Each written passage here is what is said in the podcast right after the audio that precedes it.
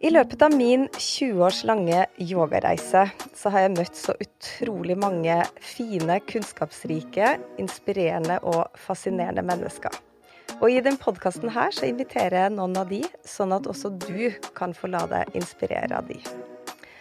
En eh, fredag formiddag i 2022 eh, så meldte jeg meg på en eh, workshop med en fyr som jeg har møtt av og på over mange år. Eh, det ble en eh, heftig, eh, magisk og litt annerledes opplevelse. Og da skjønte jeg at han her, han måtte invitere i Namaste. For i denne episoden her så får du møte Aksel Haugland. For mange også kjent som Aksel Åndedrag. Og vi skal snakke om breathwork. Mitt navn er Vibeke Klemetsen, og du hører på Namaste. Velkommen hit, eh, Aksel. Takk. Det er en glede å være her.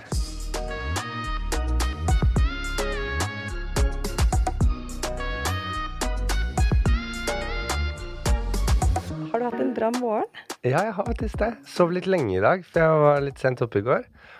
Eh, så jeg hadde liksom gleden av å bare ligge og dra meg litt i senga. Nikoline, min partner, tok med barna inn på kjøkkenet og lagde litt frokost. Jeg kunne bare ligge og være sånn mm, Kjenne meg litt trøtt og litt sånn derre så det var egentlig veldig fint. Det hørtes nesten litt ut som en sånn uh, søndagsmorgen. Ja, det gjør det. Men det er liksom litt livet mitt, da. Sånn der um, mandag til, uh, til, søndag. Det skjer liksom forskjellige ting på forskjellige dager, så jeg har ikke helt sånn A4-liv. Nei, og så har du tre barn? Jeg har tre barn. Ja. Mm. Hvordan er det? Det er uh, det er den største gaven, og det beste og det mest utfordrende i ett. Så det er liksom sånn derre Ja. Det er helt fantastisk. Men det er mye. Det er mye. Det er mye. Jeg har tre sjøl, vet du, så jeg vet jo alt om det. Du, mm. eh, jeg har lyst til å starte med et uh, sitat som jeg fant på din uh, nettside. Mm. Og det lyder således eh, Opplev magien i et altoppslukende åndedrag. La oss starte der. Ja. Mm. ja det er en strofe som, som, treffer meg veldig bra, som bare kom til meg når jeg liksom prøvde å liksom bare Ok, nå skal jeg invitere til pustearbeid. Hva er det jeg inviterer til egentlig? Uh, og det som er min erfaring når jeg begynner å puste, da, er jo at uh, det åpner seg opp en liten sånn magisk verden i meg. Som er i meg hele tiden, men som kanskje ikke er tilgjengelig da mellom mellom oppvasken og matlaging og støvsuging og bleieskift og du vet, alt som skjer. Det er magisk, det også, men det er jo liksom å legge seg ned på en matte f.eks., eller gå inn og lukke øynene, og så begynner man å begynner å puste, så er det som en liten sånn der Pandoras eske da, som kan åpnes av magi. da. Eh, litt forskjellig fra gang til gang. Og at man liksom kan oppleve den magien i, i et åndedrag, som er det norske ordet for pust, som er et fantastisk ord. sant? Som du drar ånden ned da, og kroppsliggjør den. Mm. Um, og altoppslukende, at det tar over alt. For når man er liksom i ett med pusten sin og fullt til stede med den kraften av å puste, så det er ikke noe annet som skjer da. Det som har skjedd, eller det som skal skje, liksom begynner å fade ut. Da, så kommer man faktisk bare dypt inn i det liksom The power of now, som er litt sånn klisjé. Men det kjenner jeg liksom det, er, det kan man ha tilgang på når man begynner å puste. Men, men hvordan gjør man det? Ja, nei, altså Det er jo veldig mange måter å gjøre det på. For det er veldig mange som spør meg også liksom, hva er breathwork, og det er på en måte en sånn en paraplybetegnelse for pusteøvelser, da, eller forskjellige pusteteknikker, som ikke på en måte har sånn innfallsvinkelen gjennom yoga. For der har du på en måte, når man går inn i yogaens verden, da, så beskrives jo pust gjennom prana pranayama. Sant? Så det å liksom ekspandere på pusten da, og jobbe med pusten. Men hvis man ser på det fra et, kanskje et annet perspektiv som ikke har noe liksom, som ikke er direkte knyttet til en yogaform, da, mm. så er det mer ok, da er det breathwork, da, som er liksom arbeid med pusten. da, Det er jo det det betyr. Pustearbeid. Så da faller jo egentlig alle teknikker eh, eh, som har med pusten å gjøre, også klassiske pranayama-teknikker, da, under denne paraplyen av breathwork. Ja, fordi det er jo ikke sikkert at pranayama er kjent for alle som hører på heller. Det er sant. Eh, og så snakkes det jo veldig mye om ikke sant, mindfulness, pusteøvelser, mm. meditasjon. Ja. Og hva er liksom forskjellen, eller er det noe forskjell på og da breathwork, som du, du introduserer ja, nei, altså, her. altså Det som er på en måte den mest kjente, eller det folk tenker på da, hvis de har vært litt borti breathwork, så er det liksom ok, det er, den, det er den teknikken som jeg også jobber veldig mye, som er en sånn veldig som er en sånn veldig transformerende og veldig intens pusteteknikk, da, hvor man gjør breathwork. Så er det bare sånn Å, herregud, nå skal jeg gjøre noe breathwork. Dette blir noe greier. Men egentlig, sånn i teorien, så er det jo ikke det. Det trenger ikke å være det, men det er den teknikken som liksom skiller seg litt ut, da og som er litt annerledes, og som har liksom en sånn veldig sånn eh, Ja, den skiller seg litt ut, da, så derfor blir det ofte liksom ah, dette er breathwork. Mm. Men sånn i teori, i hvert fall gjennom pustelæreren min, sånn som han deler med meg, er, det er det liksom, det er egentlig bare en paraplybetegnelse. Så da har man ujai breathing er en breathwork, da. Mm. Eller Hva er ujai? Eller, nei, sånn for eksempel den klassiske pusten man bruker i ashtanga-yoga eller vinyasa-yoga, da, for eksempel, som er denne blåse dugg på en rute med munnen lukket gjennom nesen. sant? Mm. For å liksom bare skape varme og holde fokus og konsentrasjon og gi styrke. Det er en type breathwork. Men, men det, liksom, det som man ofte relaterer til breathwork, er jo mer en type sånn rebirthing breathwork, da, sånn som jeg driver mye med. Ja, fordi det var jo det jeg var med på ja, sant. for ja, det er snart et år siden. Ja. Jeg beskrev jo det nå i introen at det var jo en heftig Altså, det var en fantastisk opplevelse, ja. men det var også utrolig heftig. Den er det. Ja, Og hvorfor er det det? Nei, altså, det er jo Altså, den rebirthing breathwork har jo egentlig en opprinnelse i en veldig sånn naturlig måte å puste på. Så vi bruker altså Det er gjort studier på pust, så da kan man ta en sånn vestlig approach, da vitenskapelig inngang til det. Så er det liksom man sier at man puster typ eh, 20 000-25 000 ganger i døgnet.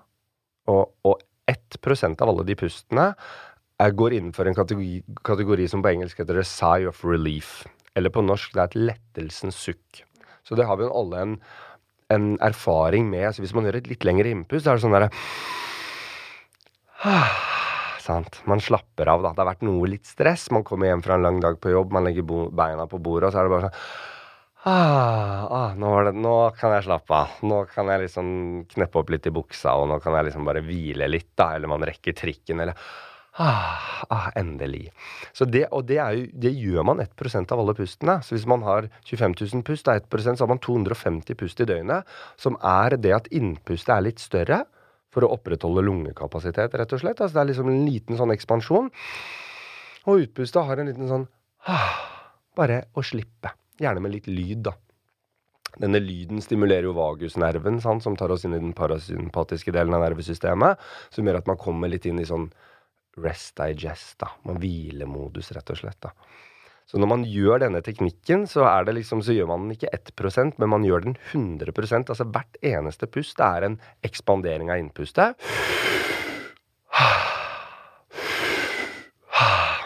Og så begynner man å sirkulere det, da. Så istedenfor å gjøre det liksom én av, en av 1% 1 av 100, så gjør man det liksom hvert eneste pust. Og da begynner man jo å virkelig slippe stress og spenning. Og virkelig ekspandere da, og øke lungekapasiteten. Og, og da skjer det jo da, da, skjer jo den opplev magien i et altoppslukende håndedrag, bare ved å gjøre den teknikken, da. Og nå, nå kan jo jeg bare relatere til min ja, ja. opplevelse, men sånn. Men det var jo så slitsomt. Supertungt. Det var tungt. Ja, er det, ja. det er supertungt. Og da, igjen fra et sånn fysisk perspektiv, så er det jo styrketrening for pustemuskulatur. Everyone knows therapy is great for solving problems, but getting therapy has its own problems too, like finding the right therapist, fitting into their schedule, and of course, the cost. Well, BetterHelp can solve those problems. It's totally online and built around your schedule. It's surprisingly affordable too. Connect with a credentialed therapist by phone, video, or online chat, all from the comfort of your home. Visit betterhelp.com to learn more and save 10% on your first month. That's BetterHelp, H E L P. Hvis man ser på et anatomikart, da ser vi diafragma, herregud for en stor muskel, da, som en sånn manet som ligger oppunder ribbekassen, som, som, kan jo strekkes helt ut og trekkes helt sammen, men det gjør vi som oftest ikke, for vi puster jo ikke med 100 volum på innpust. Vi puster jo ikke liksom Hvor mye kan jeg puste inn, sant? Og så, og så slippe. Så da blir jo den muskelen ofte Og det er jo meningen også, vi skal jo ikke puste sånn hele tiden, men da blir jo den muskelen ofte litt sånn stram og stiv, og vi har litt sånn stressende pustemønster. Og sånn, når vi begynner da virkelig å innom det store, dype innpust, og slippe, så begynner man å jobbe med den muskelen samt masse andre typer pustemuskler. Også, men Diafragma er som hovedmuskel, men serratusmuskulatur oppi ribbekassen også som blir litt stram og stiv, så man begynner å ekspandere skikkelig. Og der kjenner man jo som hva som helst annet, det begynner å bli tungt, muskulært sett. Mm. Um, så da blir det liksom man begynner å puste sånn Herregud, så tungt det her. Føles som jeg skal løfte en trailer sant, med innpustet. Hvorfor er det så tungt? Uh, ja. ja og, og, sånn som jeg som har en daglig ashtanga-praksis, mm. hvor vi bruker den ujai-pusten som ja, ja. du beskrev, men, men, jeg føler jo at jeg er ganske godt vant til å puste Expandere. godt. da, Ekspandere og bruke pusten. Og du vet, der bruker man jo pusten for å gå inn i stillinga og stå mm. i stillinga og liksom Men jeg opplevde jo, som jeg sier, at det var bare så ekstremt tungt. Og, så jeg, jeg husker jo at jeg måtte ta litt juksepause. Ja, ja, men for all del. Sant? Man kjenner bare hvor terskelen går, da. Mm. Og, da, og da er det jo Men da begynner man jo liksom hvis man ser på det fysiske perspektivet, ok, man puster på den måten, da, så jobber man med musklene sine, da, og så kan man se hvordan det henger sammen med nervesystemet og alle de tingene, som er interessant nok også. Men hvis man da jeg kommer jo fra liksom Eller kommer fra, da jeg har jo undervist yoga og liksom gjort det i over ti år nå. Da, så jeg syns det er veldig interessant når man begynner å tenke på prana, f.eks. Livskraft og energi. Og at det man faktisk puster inn, er jo, er jo livskraft, da. Det er jo energi vi puster inn. Og da liksom, ok, så så begynner man å, kjenne ok, hva er den energien egentlig? da? Hva er det som skjer i kroppen når man begynner å puste? Så hvorfor blir det så tungt? sant? Hvorfor blir det tungt å egentlig bare be om masse energi?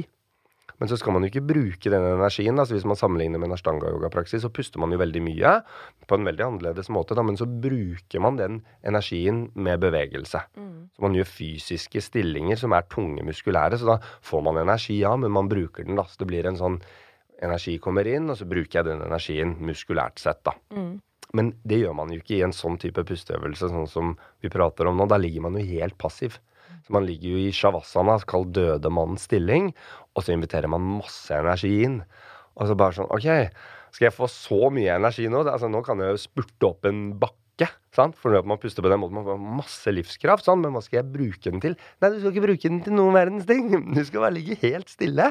Og så skal denne energien få lov til å, istedenfor å gå i denne fysiske kroppen, få lov til å øh, komme inn andre steder, da. Som jobber med den i yoga så sier man at man har mange forskjellige kropper, eller lag ved kroppene. Så den mentale kroppen, den emosjonelle, den energetiske. Så man begynner å skrelle av disse lagene. Sånn at den samme energien som påvirker det fysiske, kan få påvirke de andre lagene våre. Og da begynner det å bli tungt. Da, da begynner man å kjenne at sånn, den fysiske kroppen er vant til å Ok, nå får du energi. Jeg er vant til å bruke den energien. Um, så da begynner man å jobbe med, med, pusten for å åpne opp til litt dypere lag. Da, da kjenner man at man begynner å påvirke tankene. Sant? Begynner å komme 'Herregud, hva er det som skjer nå, egentlig? Skal jeg puste så mye?' Nei, vet du hva, dette her er ikke noe bra. Dette blir litt for mye. Jeg stopper å puste litt nå. Sant? Fordi det ringer noen sånne bjeller, da, litt sånn faresignaler. da. Og så begynner man å komme inn, kanskje man kommer inn i, i sensasjoner. da, Man begynner å krampe seg litt i den fysiske kroppen. Sant? Ting begynner å skje der. Og så er jo på en måte det vi ønsker på, er jo å gå inn i mer de emosjonelle lagene ved oss da, med en sånn pusteøvelse. Det er litt sånn teit sagt rosinen i pølsa. da. Det er liksom det vi søker, etter min mening, når man begynner å gjøre pustearbeid. Mm. Og hva er det som kan skje når vi begynner å teppe inn på det emosjonelle laget? Ja, eller den emosjonelle kroppen? Ja, hva som kan skje da? Nei, altså, Da liker jeg bare å trekke det litt tilbake. da, fordi at hvis man, hvis man snakker om denne energien man puster inn, da, som er mer enn oksygen og CO2 og karbondioksid og alle disse vestlige tingene som vi, som vi som er gode kart. Det er ikke noe gærent med det. Ja, det er det, men det er også så mye mer. Det er veldig mystisk. Da, så da går man tilbake til denne pranaen, sant? denne livskraften, eller det norske ordet, da, åndedrag. Mm. Ok, vi drar ånden inn. Vi innånder. Det ligger jo til og med i det norske språket, så folk tenker ikke på det. da, men bare sånn, Åndedrag Ja, ja herregud. ja, Det er jo det er innbakt, da. fordi at det er jo Altså, innpust er jo inspirasjon. Inspiria Spira, ikke sant? Spiritus. Det er jo igjen ånden, da.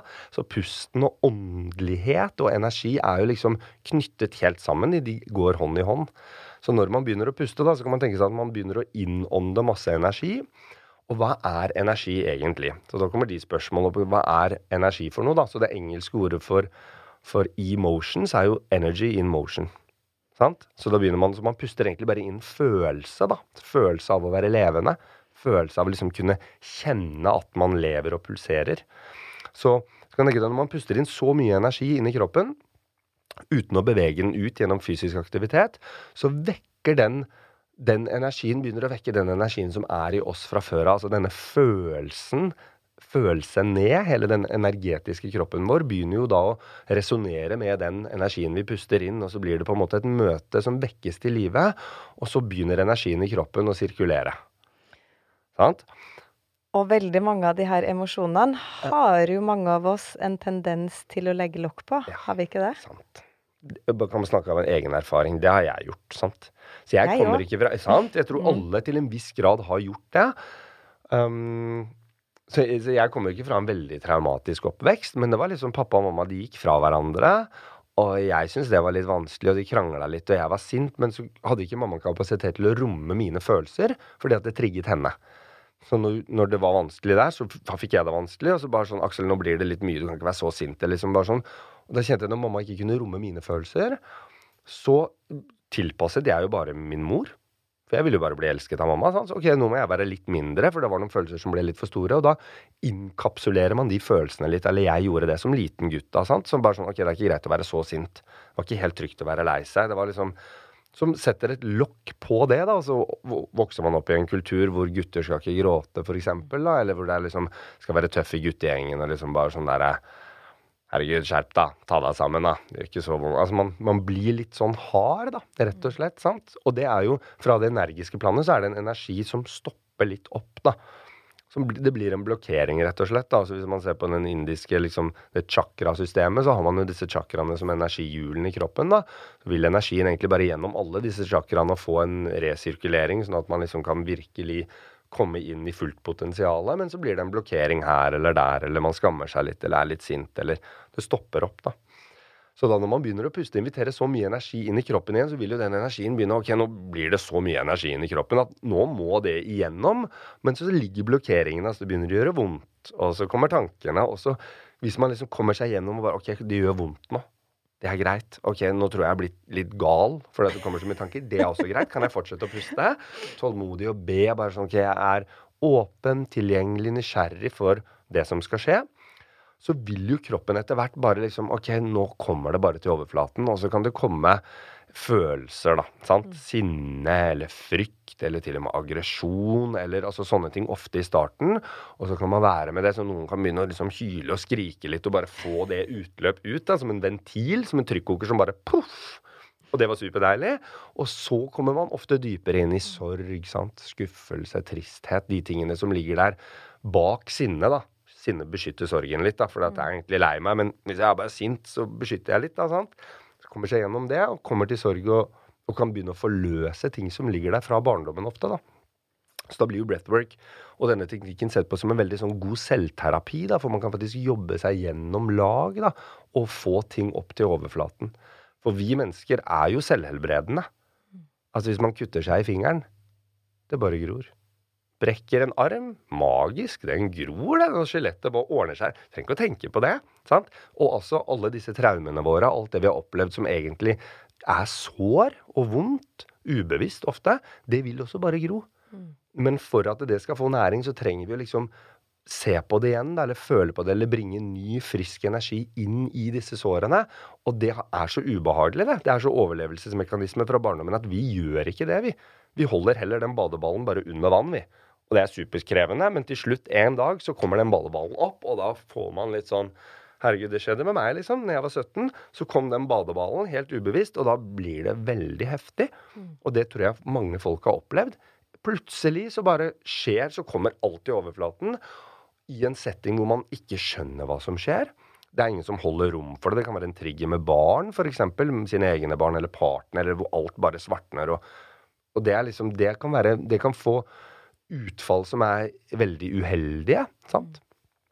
Istedenfor at man kan gå inn og skal gjøre pustearbeid, så legger man seg på matte, noen holder space for det, man lukker øynene, og så begynner man å puste i en trygg setting da, hvor man gjør det med vilje. Mm. Jeg vil føle, jeg vil inn. da. Så det har hjulpet meg masse, og det hjelper masse folk som jeg deler det her med. Så det er veldig sånn OK.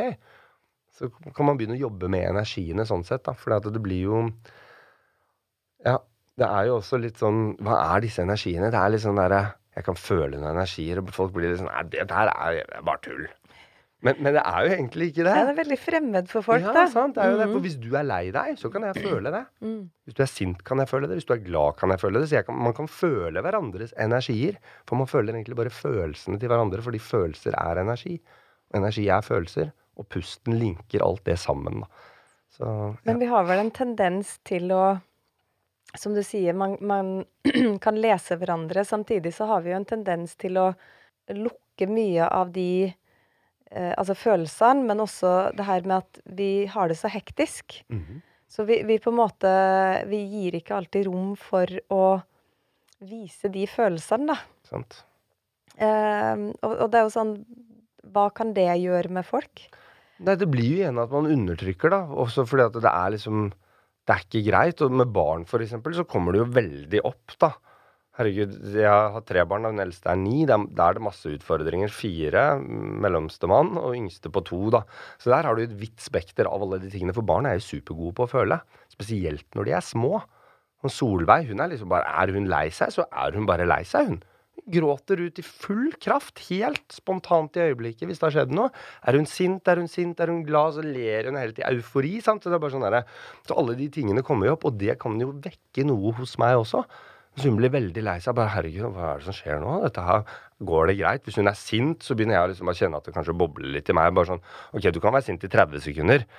Tre minutter, ok, men en halvtime, det går ikke, liksom. For det, har potensial til å vekke det i meg også, da. Så, så vi har jo hele tiden muligheten til å ta alle disse eksterne triggerne og internalisere dem, eller ta det som en sånn der OK, hva er det dette vekker i meg, da? for å ta ansvar for sine egne følelser sant? og liksom bare bringe det opp. da, Hvis det er det som er intensjonen. Hvis man ønsker å undertrykke det, så klarer man det også til en viss tid, tror jeg. da, Men jeg tror alt kommer for en dag. da. Så mm. før eller senere så kommer ting opp. Og i det åndelige perspektivet så er vi jo evige. Så ja, vi skal miste denne kroppen, men livet fortsetter, da. Og da er det liksom bare sånn her OK, hvis jeg er evig i ånden min, og følelsene er koblet inn til sjelen, da, åndedraget, så kommer jeg meg ikke unna. Ok, jeg mister denne kroppen her. Kanskje det blir enda vanskeligere å føle det neste stedet jeg kommer, men følelsen skal gjennom for det om. Da. Så, så egentlig bare en gyllen anledning, da, hvis man kan føle nå. Mm. Du tenker liksom eh, ordne opp nå? Ja, hvorfor vente? Liksom... Herregud. Altså, jeg har jo masse bagasje jeg, fra barndommen, liksom. Kan vi bare få det opp, da? Fordi da kan jeg også begynne å frigjøre meg selv, da, og, og og jobbe med aksept av det som har skjedd. Og selv om ting som har vært urettferdig kan ha skjedd med meg, så tar jeg ansvar for det, for nå er jeg voksen. Da det er mitt ansvar å slippe det nå, uavhengig av hva som har skjedd. Mm. Men det som er spennende, er jo det meste er jo Dette er jo i underbevisstheten. Så man vet det ikke engang. Nei. Tenker ikke over det, fordi at man har overlevelsesmekanismen har jo egentlig bare skjøvet det under teppet. Og så er te teppet er veldig fint, da. Nytt, persisk, nydelig teppe. sant? Støvsuger teppet mitt og renser teppet. Og så, så begynner man å se under det, så bare herregud, jeg legger det teppet tilbake her. Fordi at der er det mye greier i det ubevisste. sant? Så det som pust gjør så veldig effektivt, er at det bringer det ubevisste opp i bevisstheten. Mm. Enten man vil eller ikke. Fordi at man har egentlig en dyp lengsel av å ordne opp og føle på de tingene som ligger der. da. Tror Men, jeg, ja. føler jeg, erfarer jeg, da. Så jeg syns det er spennende, i hvert fall. Ja. Det jeg tror, og jeg kan jo snakke litt fra mitt eget perspektiv, ja, er jo at det er så skummelt, og det er så um, Ja, den der frykten for å titte inn der og føle på det, det er jo så mye lettere å unngå det. Sant. Det virker slik. Og jeg har jo de siste årene Jeg føler at jeg har liksom hatt en sånn ordentlig ransakelse av meg sjøl. Det var kanskje eh, det som skulle til da, for at ja, ja. jeg kom dit at jeg skjønte, som du snakker om, at det, at det, er en anledning til å begynne å jobbe i dybden. Sant. Men jeg vet jo også at uh, jeg, jeg, vil heller unngå det mm. enn å gå dit, fordi mm. at det er så krevende. Det er krevende. Å få opp alle de her uh, følelsene. Hvilke reaksjoner har du hos folk når du kjører sånne workshoper? Um, altså alt mellom himmel og jord. For å si det sånn, da. Fordi vi har jo alle forskjellig bagasje.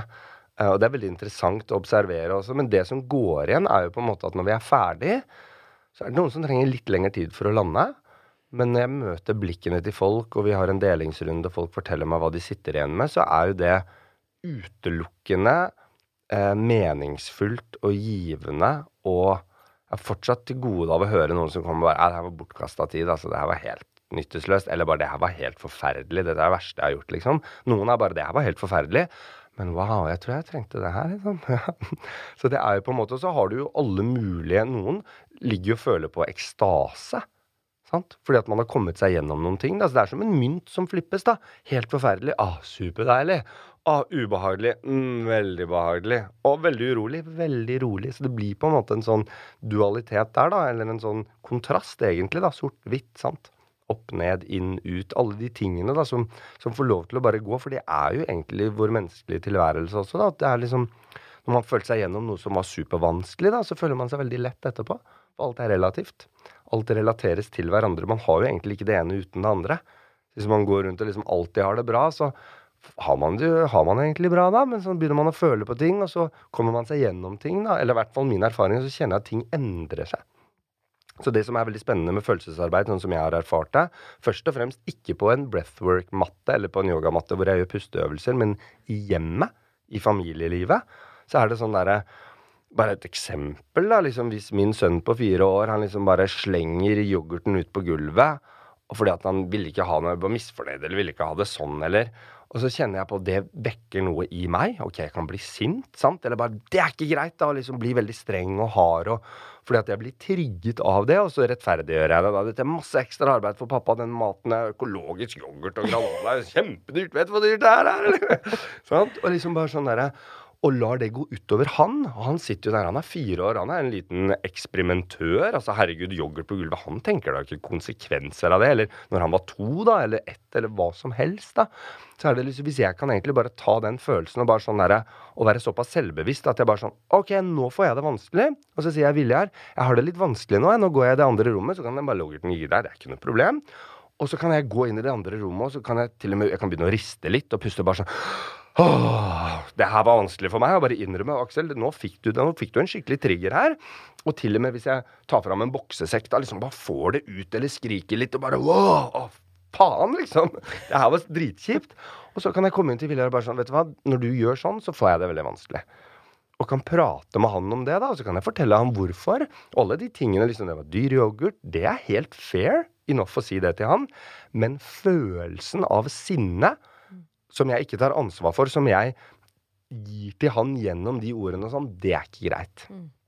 Og hvis jeg da faktisk går og føler på det, føler meg gjennom det, kanskje det tar mer enn én en gang, så kjenner jeg at plutselig neste gang når han gjør akkurat det samme, så blir ikke jeg sint lenger.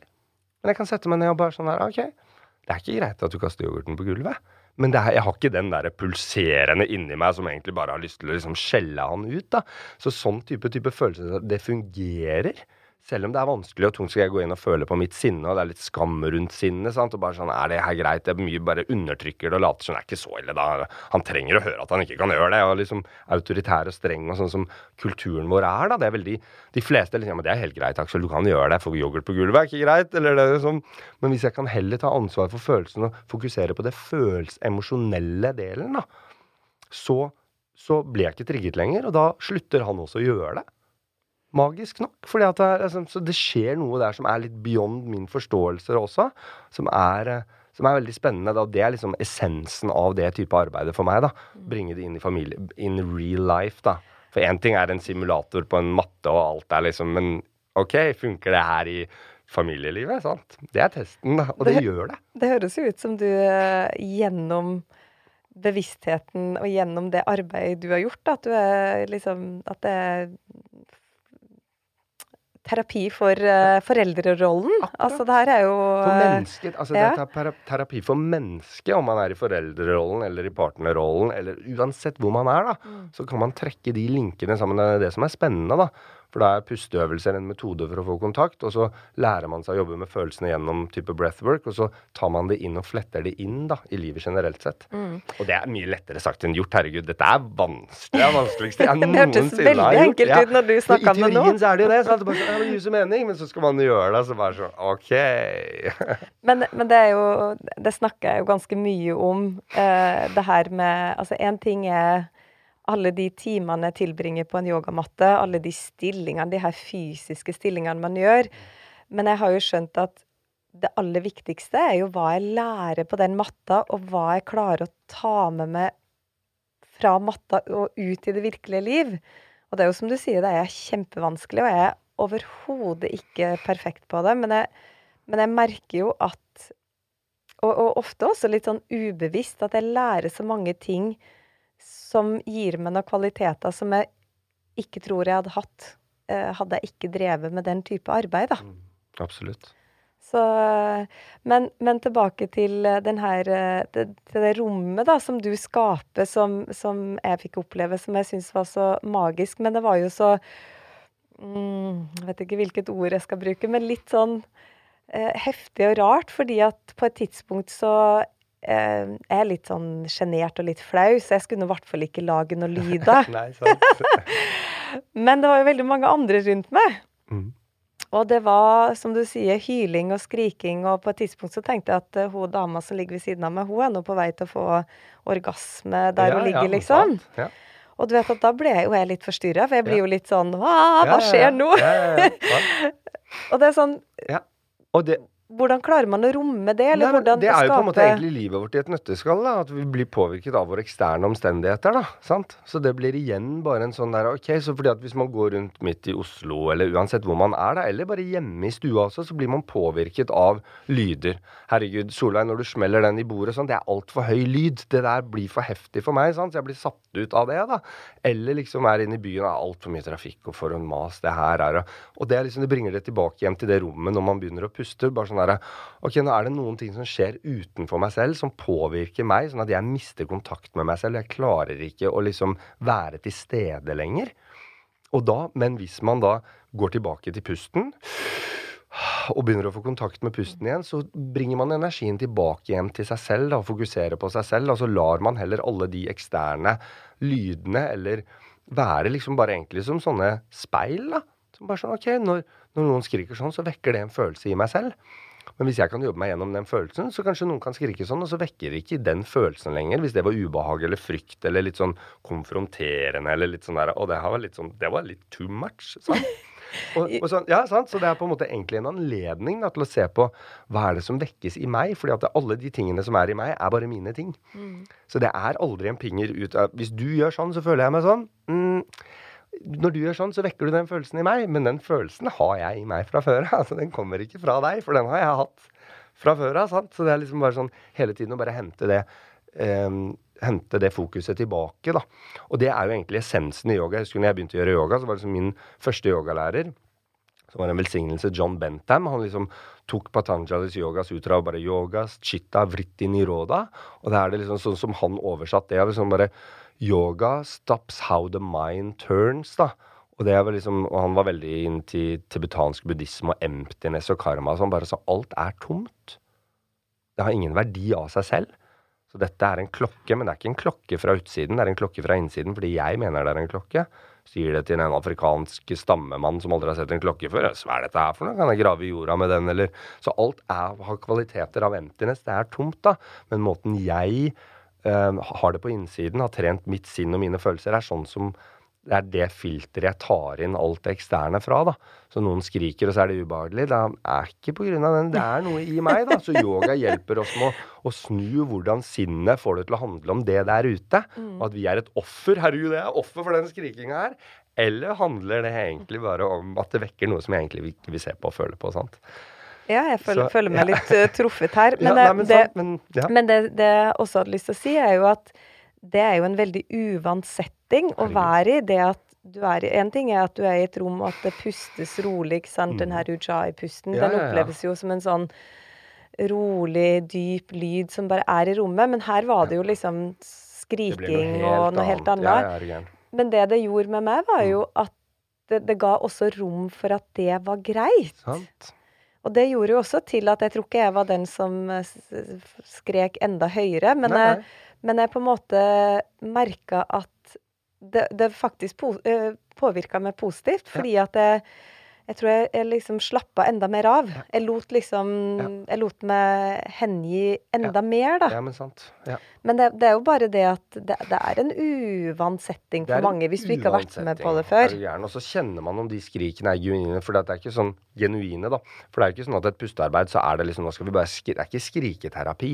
Det er ikke det det er, sant. Men hvis det skriket, brølet, kommer fra et autentisk sted i den personen, så kan det også føles. Det er bare sånn OK, wow, nå er det noen som opplever noe heftig, og da får man jo medfølelse. Altså bare sånn OK, det, det vekker en sånn dyp følelse av at ok, her er det noen som faktisk går gjennom noen ting, da, og forløser noe i seg selv, som egentlig er jo veldig vakkert, syns jeg, da, når folk Hvis jeg føler ok, her er det hvis det er noen som bare ligger og skriker i en time, så går man bort bare sånn OK, kan du prøve å få kontakt og liksom prøve å slappe av litt mer? Og, men hvis man kjenner at det er noen som liksom forløser noen ting, så vekkes det en sånn OK, her er det noe som skjer, da. Akkurat som et lite barn som skriker. Og så bare sånn Wow, dette her er ektefølt, da.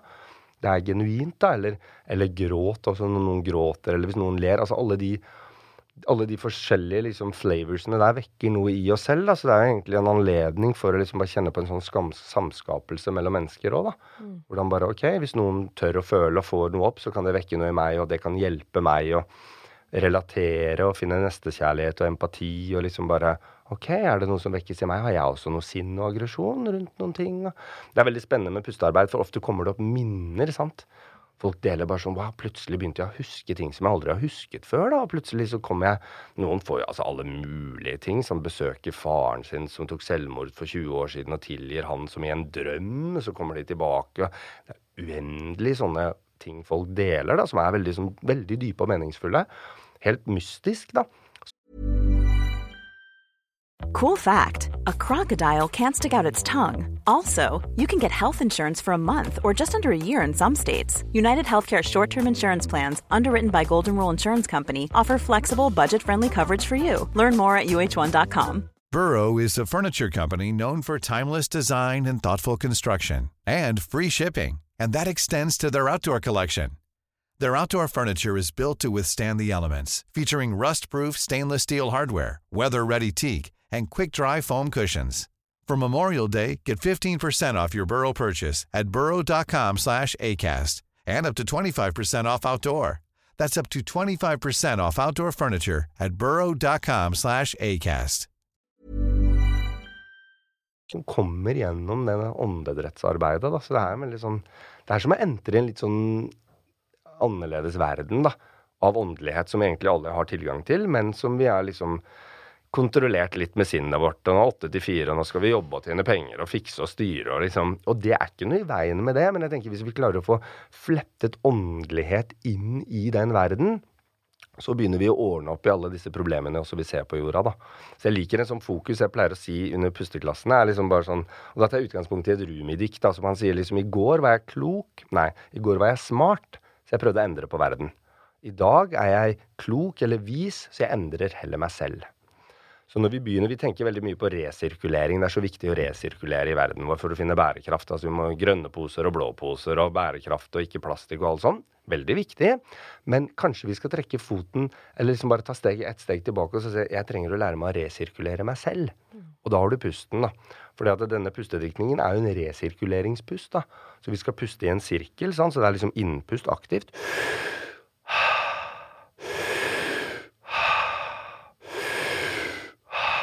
Og det er teknikken. Så aktivt inn, passivt ut, og så finne sirkelen og lære seg å resirkulere denne pusten, som vi ser på som energi. Så resirkulere energien. Og da begynner vi å gå ut med vår egen søppel. For da bare, ok, da kommer ting opp, sant? så må vi begynne å tømme søpla, så må vi begynne å vaske og rydde, og så resirkulerer vi. Og så finner vi bærekraft i det, da. Og det engelske ordet for bærekraft er jo liksom sustainability, så the ability to sustain. Den sirkelen av pust. Og hvorfor er det så vanskelig? For hvis det bare er energi, og energi egentlig bare er lys og kjærlighet fra universet, fra kosmos, så hvorfor kan ikke jeg bare ligge og resirkulere den energien da? Det burde jo være det lette, det burde jo være superdeilig. Men så blir det så vanskelig og tungt, og da tenker jeg, da er det et tegn på at fordi at det er egentlig der hvor blokkeringene sitter. Det er der hvor de følelsene vi ikke vil føle på, sitter. Så derfor er det vanskelig. Og det har jeg opplevd også, fordi ofte så er det sånn tungt å puste, og så kommer jeg over en kneik, får grått litt eller får ut noen følelser, og så føles det ut som jeg kan puste i forever. en time no stress, men jeg kommer heller inn i en sånn type orgasmisk tilstand hvor alt bare blir superdeilig. Jeg begynner å sveve opp og liksom bare kjenne bare sånn Ja. Det blir godt, da. Ja. Men uh, nå ble jeg ble litt satt ut, Ja, kjente jeg. Eh, fordi det var jo litt uh, opplevd at uh, noen rundt meg I hvert fall den gangen, da. Eh, men jeg, kom jo også dit hvor jeg kjente at det var så forløsende. Sant. Fordi jeg huska at jeg gråt. Ja. Eh, og, og bare få lov til å ligge og hulke litt og kjenne tårene eh, renne og liksom Ja, jeg, jeg tror liksom den følelsen som beskriver mest, var at det var veldig forløsende. Ja. Og det kjentes så deilig. Ja.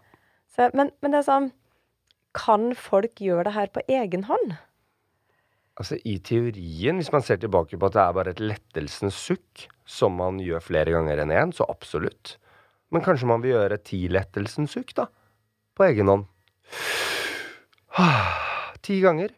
Det er en rebirthing session. Veldig kort, da. Sant? Får kanskje ikke kontakt med de dypeste tingene, men for noen er det mer enn nok, da. Sånn som han Dan Brulé, en av mine pusteleier, pleier å si bare 'double up on nature'. Så når du kjenner at du får en sånn Så gjør det igjen, da. Gjør det kanskje to-tre ganger etter hverandre, og det er en liten praksis. Og når man begynner å bli vant til det, og kanskje har gått på flere pustekurs eller klasser, f.eks. har vært hos meg flere ganger og sånn, så bare Selvfølgelig kan man gjøre det. Sett på en sang da, som varer i fem minutter, og så legger du deg ned, og så puster du på egen hånd i fem minutter. Og så kanskje det var nok, da. Vi puster jo ofte i 90 minutter når vi er sammen. Og da er det liksom Det er ganske heftig å gjøre på egen hånd, så man må gjerne prøve. Ofte det verste som kan skje, er jo at man sovner eller besvimer. Fordi at kroppen tar over og bare 'Dette blir for mye. Overlevelsesmekanismen sitter inn. Nå bare dissosierer jeg hele den prosessen, og så stikker jeg av'. Og så sovner man, for da stopper man å puste. Eller stopper ikke, men den teknikken tar slutt. Og så kommer man tilbake, og så bare sånn 'Ja, ja, det ble en liten powernap', da. Og så føler man seg veldig avslappet. Um, men så, så det er på en måte Og hvis man også har tillit til, da, at denne livskraften er jo høyst intelligent. Sant? Det er jo essensen i universet. Det å puste. Altså vi innånder jo, sant. Hvis det er åndelighet og energi det er snakk om, så er jo den Hvis det er prana, hvis det er egentlig som disse yogiene sier, at det er prana vi trekker inn, så er det jo ingenting å være redd for. For det er jo bare lys og kjærlighet som kommer inn, da. Så man møter jo bare seg selv. Men det kan være skummelt nok, det er sant. Og man møter kanskje de tingene man ikke ville se på. Det er liksom bare sånn Så Men hvis man har tillit og kjenner at man egentlig aldri får mer enn det man er klar for Fordi at veldig mange blir litt sånn Herregud, dette er jo Jeg får litt noia når du snakker om det, for dette er hyperventilering. Og da liksom så det kan virke sånn, men når man egentlig går i bunn og grunn av denne teknikken, så er jo innpust aktivt og utpust passivt. Ofte når man ser på hyperventilering, så er det aktive innpust og utpust. Det er liksom Det blir jo å grille systemet litt, sant? for da blir det aktiv inn og aktiv ut. Det blir yang-yang, da. Dag, dag, dag, dag. Man skal aldri sove. Bare lys, lys, lys. Sant? Så man trenger jo lys og mørke. Dag og natt. Maskulin og feminin. Transformativ og aksept. da. Så man går liksom passiv utpust, passiv utpust, og så gjør man det jo i et rolig tempo i starten, og så gjør man det med vilje. For man går inn med intensjon, som er veldig sterkt også, fordi man vil gjøre det. Det er jo ikke sånn at man plutselig blir aktivert av en trigger og en traume, og så begynner man å hyperventilere. Det er jo noe helt annet. Det er liksom, jeg vil ikke anbefale det for alle, for det, liksom, det kan retraumatisere, og det funker jo ikke. Men her går man inn og bare Jeg vil føle. Jeg vil puste. Og så gjør man det aktivt og så passivt i et rolig tempo. Så bygger man opp energien. Og når man kjenner vet du hva, nå begynner det å bli litt mye her, så kan man når som helst roe ned. Ikke ved å stoppe å puste, men å legge lyd på utpustet. Ah, en vokal. E. I. Og da vil man igjen da stimulere vagusnerven, som tar oss ned i parasympaticus, og hvile, da. Så alt det som bygget seg opp, får lande ned igjen. Og så går det sånne sykluser da, gjennom den pusten. Man lærer seg intensitet, da. Men er det sånn at den teknikken her ikke skal gjøres av noen? Ja, absolutt. Altså hvis man for eksempel For å si det sånn, da. Først og fremst hvis man går på medikamenter som ønsker å holde ting nede, Altså antidepressive eller liksom antipsykotiske. Altså ting hvis man har, har masse traumer, og er klar over det, har gått i behandling og får liksom litt hjelp da, av symptombehandling, så vil man ikke gjøre det her. For dette er jo stikk motsatt av symptombehandling. sant? Her ønsker man jo å røske roten opp og virkelig føle på hvorfor man er stressa. Ikke bare senke stresset. De gjør jo det òg, da, men først må man ofte følge på roten. da.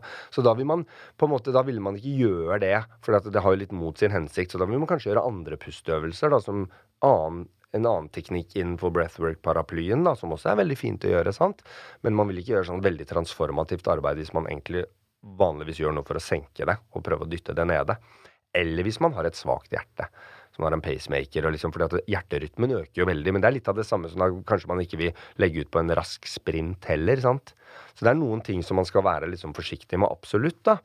Og også bare kjenne seg selv. da, Bare sånn herregud, jeg veit hvis man har vært i krigen, da, har masse posttraumatisk stress, eller har vært, eh, blitt mishandlet som liten, eller liksom bare opplevd altså Folk opplever jo de sykeste tingene, sant? så er det liksom bare sånn Ok, kanskje jeg vil få litt én-til-én-veiledning, da. Jeg går ikke på en full klasse med 30 mennesker og vet at jeg skal bare gå rett inn i det verste marerittet igjen. sant? Så da vil man begynne litt pent og pyntelig, da. liksom bare sånn.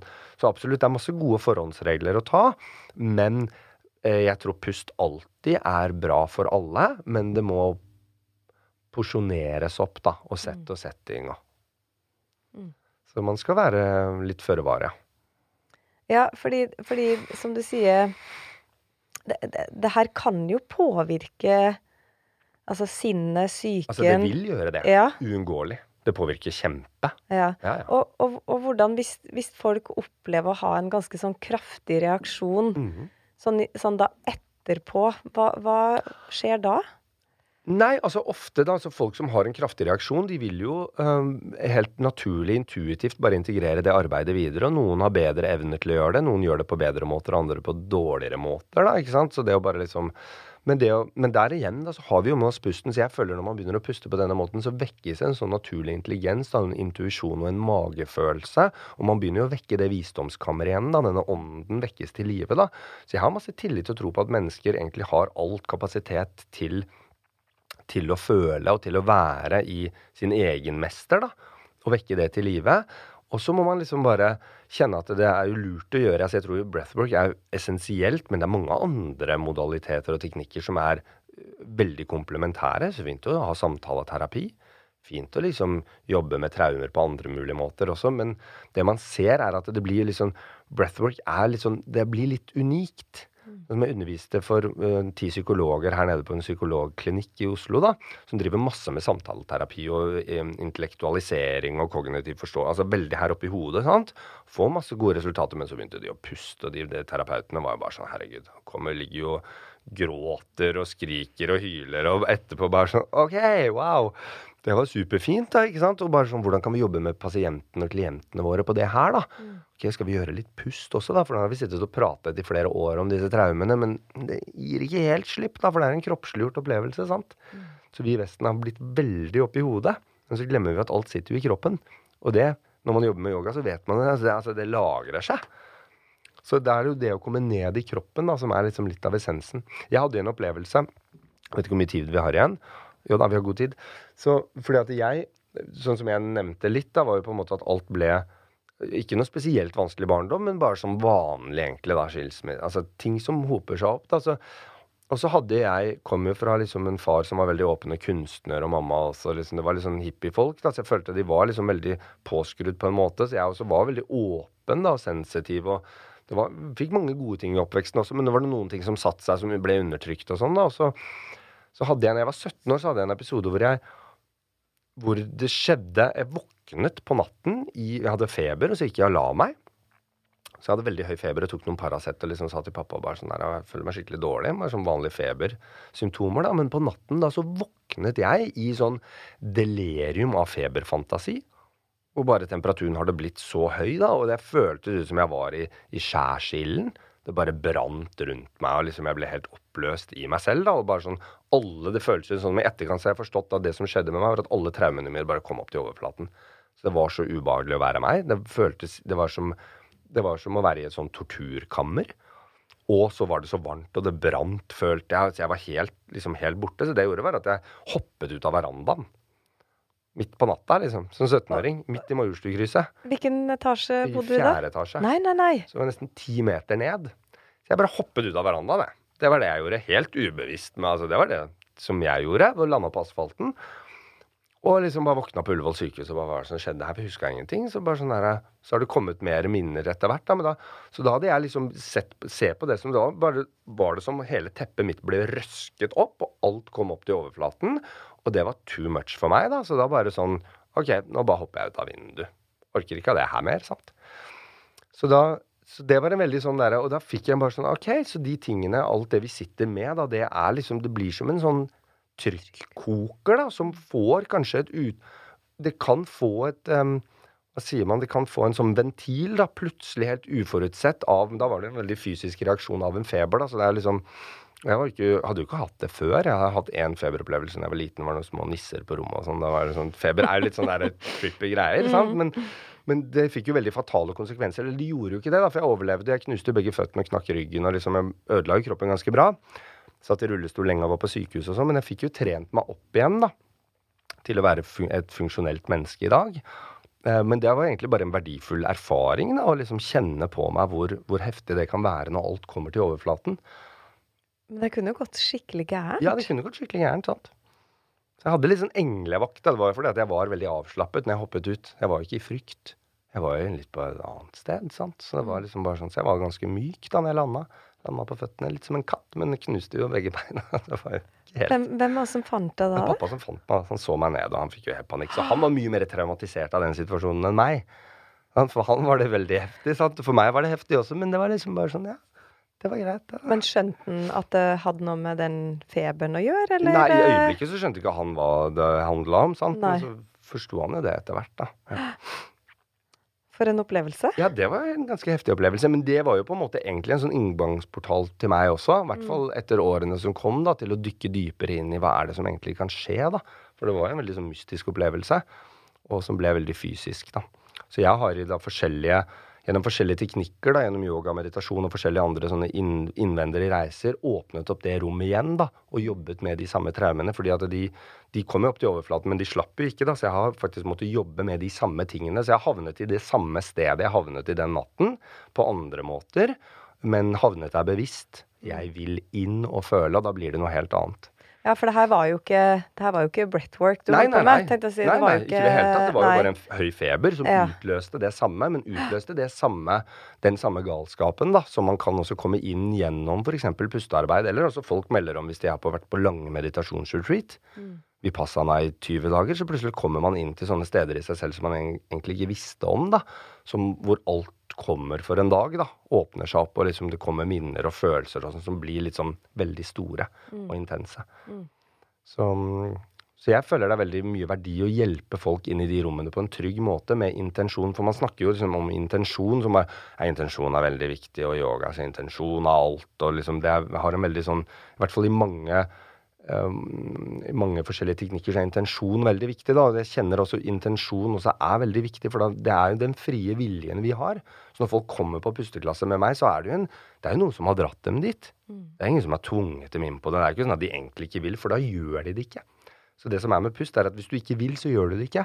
Så hvis du puster, så er det en del av deg i hvert fall som vil det. Og hvis du vil det, så har du intensjonen, og da er det noe litt sånn magisk som skjer rundt deg. Fordi at du får ikke mer enn det du gir. Så hvis du ikke er klar for Da klarer du ikke å puste sånn. Så du puster bare akkurat det du klarer, og så føler jeg er, liksom, det er noe litt sånn magisk der, altså. Ja. Ja, fordi Men, men det her Altså, det er jo Det du forteller nå, viser jo også hvor viktig det er å skape det her trygge rommet som du snakker snakker om, da. Uten tvil. Og det, det er jo derfor jeg spør, liksom, bør man egentlig gjøre disse pusteøvelsene alene? Fordi eh, det å ha noen som kan på en måte holde det, eller er ta imot det Ja. Altså jeg tenker Man klarer ikke å puste så heftig hjemme alene hvis man ikke er klar for det. Mm. Så jeg har prøvd det også. Det blir, det blir noe helt annet hvis jeg går til noen som holder det rommet. Mm. Så jeg tenker Det er derfor det er trygt å gjøre det på egen hånd også, for da vil du ikke klare å ligge og puste på den måten hvis du ikke er erfaren med det. Jeg husker første gang jeg pustet sånn, var det bare sånn jeg Glem det, liksom. Puster i to minutter, altså er mer enn nok. Da jeg, og klarer ikke jeg å puste noe mer. Men hvis man er i et rom og en god fasilitator holder det rommet, og alle puster og sånn, så blir det en helt annen type setting, da. Men det er et veldig stort ansvar. Føler du på det noen gang? Ja, jeg føler på det. Absolutt. Så jeg tar arbeidet mitt veldig seriøst, da, og jeg og jeg, jeg, har jo oppfølging med flere også, øh, og ønsker å ha egentlig mer oppfølging. I den perfekte verden så er det sånn at man kommer og puster, og så har man liksom en, egentlig prate med alle på forhånd og prate med alle på etterkant og ha oppfølgingstimer. og så Det er på en måte så egentlig det jeg liksom lengter litt etter. da, Kunne gå enda dypere med det. Men jeg tenker hvis man i hvert fall kan koble folk på pusten og gjøre det på en god måte, øh, så er det i hvert fall satt i gang noen prosesser. da. Og, og hvis jeg hadde fått masse tilbakemeldinger om at det her liksom, det funker ikke, det er ikke noe bra, og folk går rundt der som sånne hodeløse høns etterpå og vet ikke hva de skal gjøre i det hele tatt, så hadde jeg liksom ok, jeg må gå noen runder selv, da, men det er ikke det jeg kjenner igjen i det hele tatt. Fordi de fleste kommer tilbake igjen når jeg prater med folk, og, og min lærer også, han har jo jobbet med sånn type pustearbeid i 40 år. Dan Brulé, som er en av pionerene på, på rebirthing breathwork her på kloden. Han har pustet hundrevis, hundretusenvis av mennesker, reist rundt i 50 land, og han sitter også igjen med samme erfaring. da. Kobler du folk på pusten gjennom dems egen frie vilje og intensjon, når man har en god forklaring og holder et godt rom, så vil det egentlig bare sette i gang en veldig sånn positiv prosess i folk. Men man må gjennom noen ting. Jeg får sånne henvendelser hele tiden og bare OK, jeg sliter med angst, kan det hjelpe å puste på den måten her? Så er det bare sånn herre ja da, men sannsynligvis så må du da føle enda mer på angsten først. Og så vil du kjenne at det begynner å slippe litt. Men det er ikke symptombehandling, sant. Fordi Og det er ikke noe feil med symptombehandling. Du, hvis du puster fem sekunder inn og seks sekunder ut, sånn, som er veldig sånn rolig, og gjør det, så vil jo angsten slippe. Og så kommer du ned. Men du får ikke kontakt med kanskje hvorfor du hadde angsten in the first place. sant? Mm. Så her jobber Det er litt sånn dirty work, det her, da. Å grave litt, sant. Og liksom bare Så det er fint å være bevisst, det også. Mm. Men det begynner jo mer og mer å appellere til folk, da, for vi lever jo i en symptombehandlingskultur. Mm. Og alt bare sym... Altså. Så, så det, er jo, det er jo en, en terapiform, det her, ja, egentlig. Ja, breath therapy, uten ja. tvil. Ja, det er som en, altså, jeg liker det, det er som en sånn triggerpunktmassasje for det fysiske. Vært på en triggerpunktmassasje. Bare sånn Herregud, skal du trykke på akkurat de punktene i nakken eller mellom skulderbladene? Eller bare sånn, vær så snill, da. Så, å, deilig etterpå, sant. Og så er det som en sånn skikkelig god samtaleterapi da, for det mentale. Som bare får pratet om alt som er vanskelig. Bare lette på hjertet. da, Bare en skikkelig god samtaleterapi. sant? Og så er det som en sånn dypdykk i en meditasjonspraksis. da, I en sånn åndelig, seremonielt rom da, hvor man virkelig går inn og, og liksom bare prøver å få kontakt med sjelen og de dypeste lagene. da, Så man får liksom jobbe veldig gjennom alle lagene bare ved å puste. Nei, det er jo helt magisk. Jo, men så er det jo Altså, nå, jeg har jo bare gjort det her med deg, så ja, ja, jeg har sant. ikke erfaring. Men, men det som også syns, jeg syns var så fint, det var jo at du fletta inn musikk. Du spiller jo masse instrument mm. og dikt. Som gjorde til at Det ble jo en sånn slags seremoni, som ja, du sier det. Det blir jo en seremoni. Ja. ja. Så jeg liker det veldig godt. Og så bare liksom, For sanseinntrykkene våre er jo så sterke, så når vi lukker øynene, og vi skal jo ikke lukte så mye eller smake eller føles, det er jo ørene som ligger der, sant? blir veldig sensitiv på lyd. Og som du sier, så begynner folk å prosessere og puste og grynte og stønne litt. Og så er det veldig fint når jeg kan ta opp en tromme eller gitar og litt rasler og fløyter og liksom lage et lydbilde i det, da, for da blir alt mer organisk. Og, da, og man reiser jo på lydbølgene også, for lyd er jo bølger. Så de kommer jo inn, da, og så vekker de opp ting i oss. da, En fløytelyd plutselig tar en med til et landskap, og så har man noen andre trommer og en gitar og en sang. og Man blir liksom ledet litt gjennom, da. Mm. Så jeg har liksom funnet min måte å gjøre det på, for det er egentlig bare sånn jeg liker det selv. Hvis jeg skal puste, så vil jeg at det skal være et litt sånn orkester der som kan spille litt for meg. Vil gjerne høre noen Rumi-mystiske dikt som tar meg inn i sånn i undring og liksom bare sånn mm, OK. Og, så da tenker jeg bare da gjør jeg det, da. Og folk elsker det. Og jeg liker det veldig godt. Bare sånn vinn-vinn. Ja, sant. Men, så, men hvordan, hvordan øh, øh, Hvordan er det du jobber? Altså, hvor finner man det? Å, altså, jeg var jo ja. på en workshop med deg på Puro yoga. Ja, og fikk jo en veldig veldig sterk anbefaling av uh, vår venninne Pernille. Ja, sant. Um, men, men Reiser du rundt? Holder workshop? Ja da, jeg har gjort det blitt mer og mer. Altså, de siste Jeg har jobbet som yogalærer, eller undervist yoga i ti, snart tolv år. Så har jeg en personlig trenerutdannelse, så jeg begynte veldig sånn gjennom disse skadene i kroppen min til å jobbe veldig med det fysiske, sant? for jeg hadde mye vondt i ryggen. da.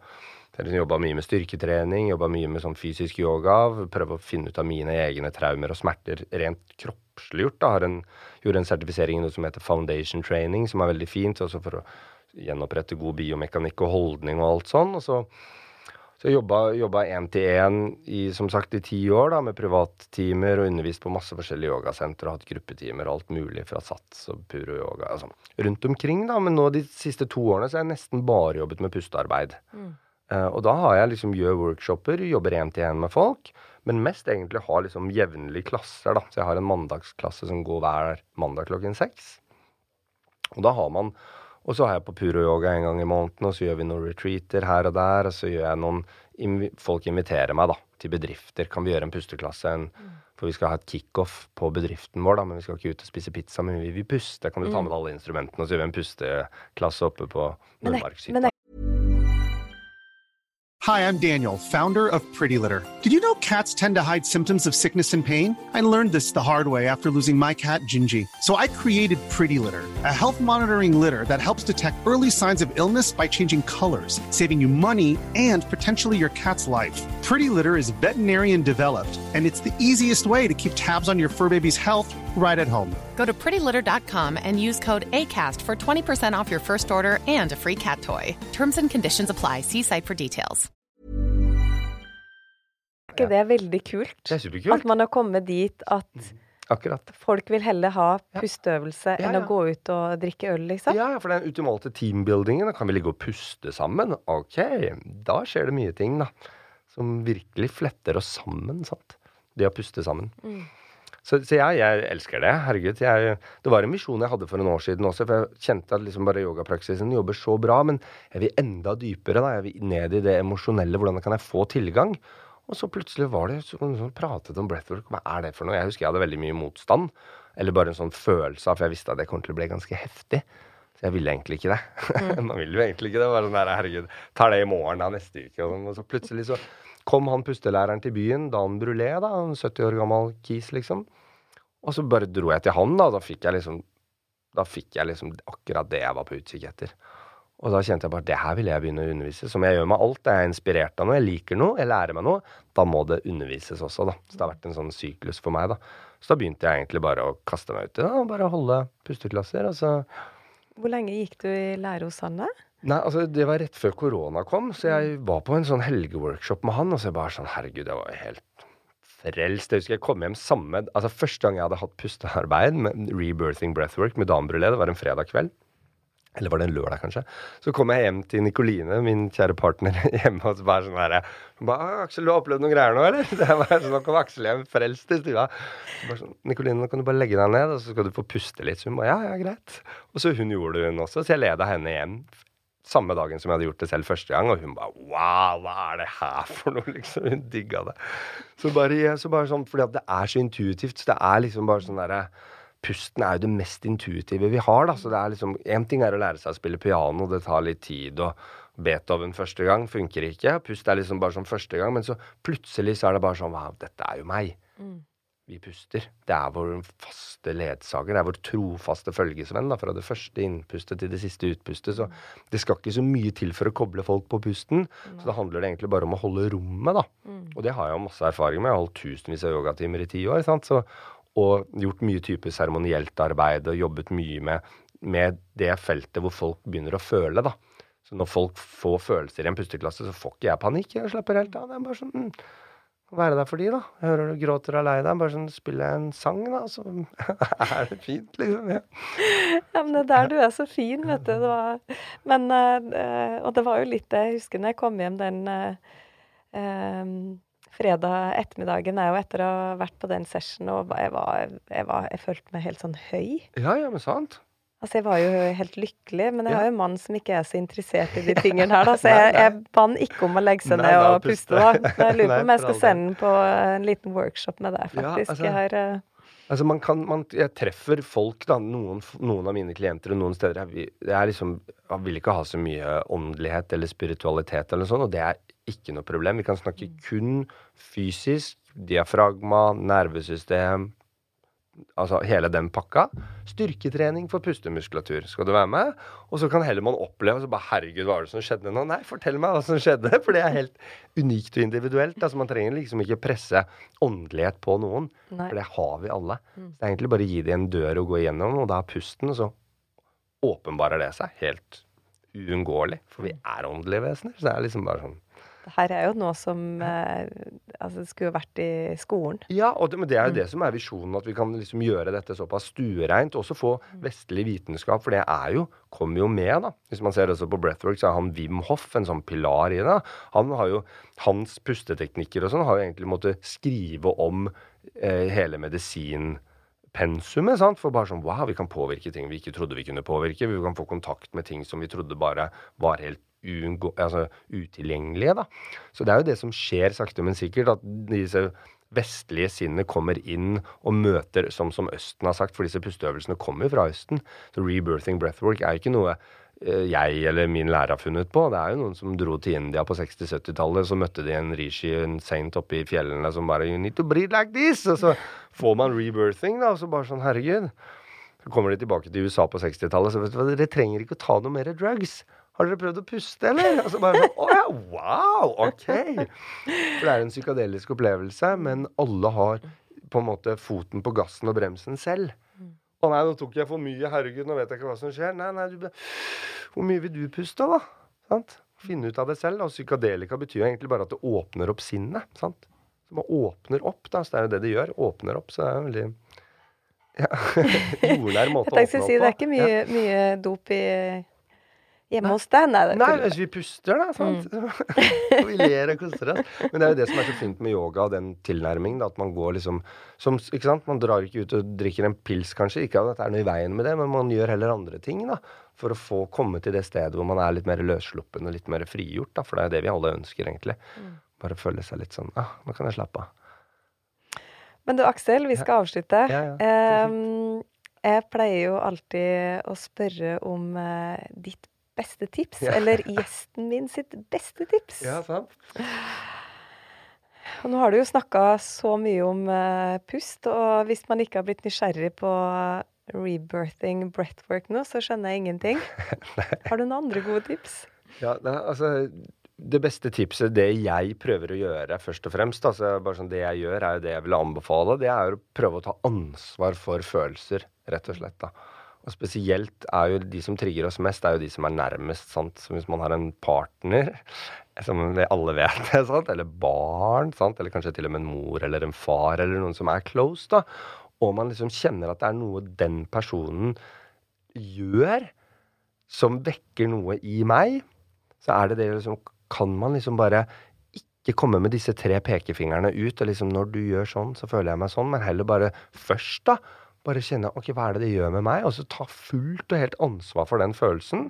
Og kanskje liksom bare gjøre det som en meditasjon, og si også, vet du hva, nå vekket en eller annen følelse i meg, så nå skal jeg bare lukke øynene mine, og så skal jeg så skal jeg prøve å kjenne hva som skjer i meg, og så skal jeg se om noe kan komme opp. Og hvis jeg kjenner at ok, jeg har litt motstand, så kanskje jeg ta fem dype sånne lettelsens sukk, og så kanskje til og med det kan komme en eller annen følelse. Irritasjonen blir litt sterkere, eller jeg blir litt sint, eller liksom bare kan føle, og så kan jeg føle meg gjennom den. Og så, når jeg har gjort det, så kan jeg gå til det eksterne og adressere. Vet du hva? Jeg syns ikke du snakker til meg på en hyggelig måte. Eller hvis du gjør sånn, det er ikke noe Da kan man liksom gå tilbake til det man kanskje ville gjort i starten, men man gjør det ikke fra et emosjonelt ladet sted med disse negative følelsene i gåseøynene, men man gjør det fra et sted som man tar ansvar, og så adresserer man det som er problemet, for det skal man fortsatt gjøre, men at man tar ansvar for følelsen først og fremst. Da. Det er det viktigste jeg tror man kan gjøre. Det er i hvert fall det jeg prøver å gjøre selv. For å si sånn. Det er- Jeg vet hva jeg skal hjem og øve på. Ja, ja, det er fint. Øvelse gjør mester. Akkurat det. Ja. Tusen hjertelig takk eh, for praten, Aksel. Jeg er så glad for at folk eh, får lov til å um, oppdage, hvis man ikke har eh, hørt om det her før, oppdage eh, breathwork. Tusen hjertelig takk. Takk, Vibeke. Det var en fornøyelse å sitte her og prate med deg om det.